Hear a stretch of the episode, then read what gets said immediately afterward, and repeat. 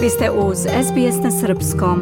Slušate SBS na Srpskom. Ja sam Biljana Ristić. Ostanite sa nama do 16 časova. Nastavljamo aktualnim temama. Dok se Australijanci suočavaju sa krizom troškova života, milijarderi obaraju rekorde u bogaćenju.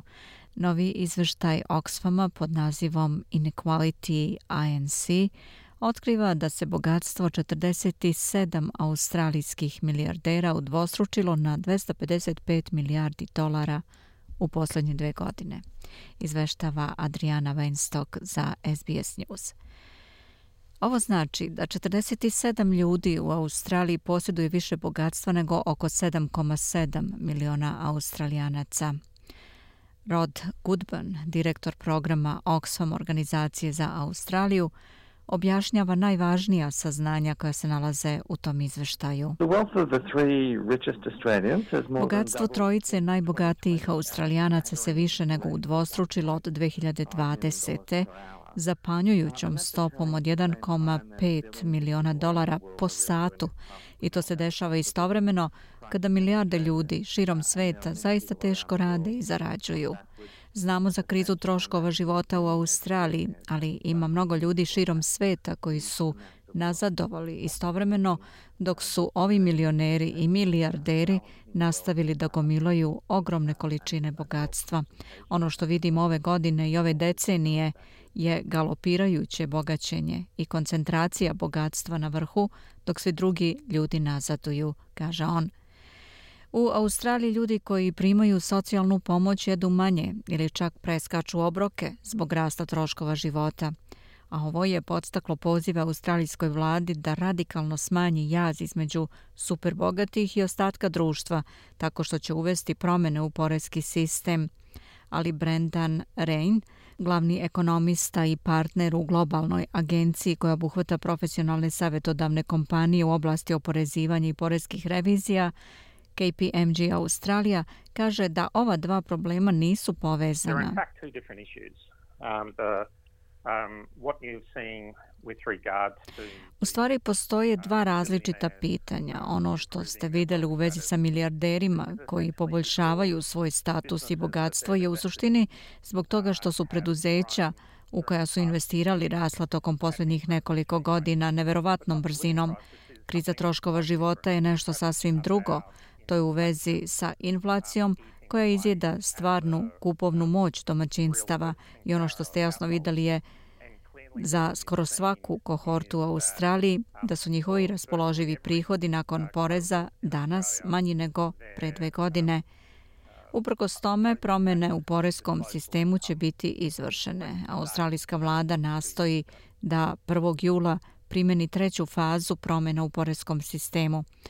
Ovom merom će se ukinuti raspon od 37 od 100 i smanjiti stopa sa 32,5 na 30 od 100 za sve radnike sa primanjima između 45.000 i 200.000 dolara.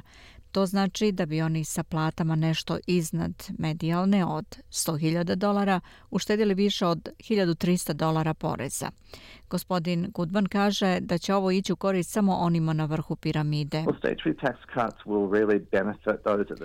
Smanjenje poreza u trećoj fazi će zaista koristiti najviše ljudima na vrhu. Znamo da će ljudi koji zarađuju preko 180.000 dolara godišnje biti najveći dobitnici od smanjenja poreza u trećoj fazi. Dobit će oko 9000 dolara više, a ono što to dugoročno znači za budžet je da se odričemo potencijalno milijardi dolara, desetina i desetina milijardi dolara tokom decenije kroz te faze smanjenja poreza.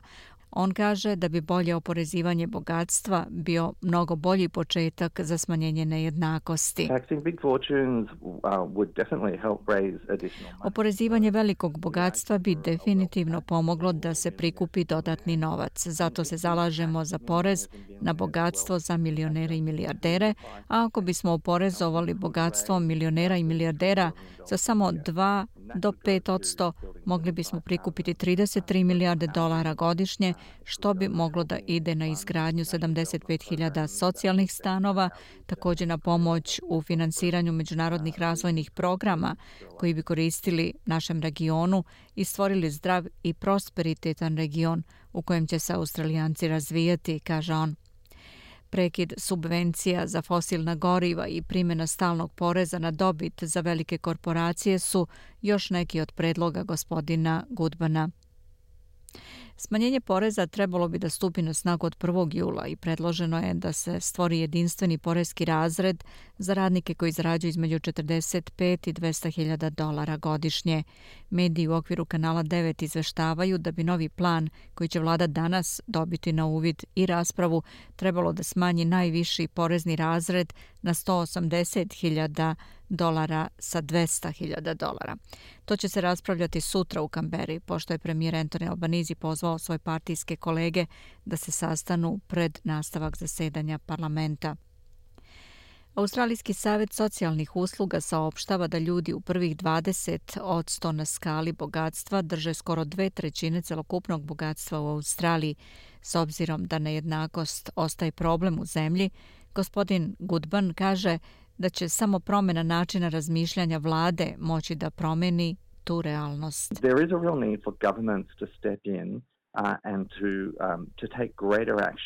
Postoji stvarna potreba da se vlade umešaju i preduzmu znatnije interventne mere, a jedan od načina na koji to mogu da urade je da iskoriste resurse, bogatstvo i novac koji su dostupni u sistemu i obezbede to direktno programima koji rade na iskorenjivanju siromaštva, da pomognu oko zdravstvenih i obrazovnih pitanja.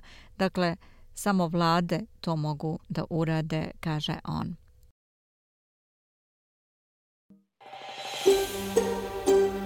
Želite da čujete još priča poput ove? Slušajte nas na Apple Podcast, Google Podcast, Spotify ili odakle god slušate podcast.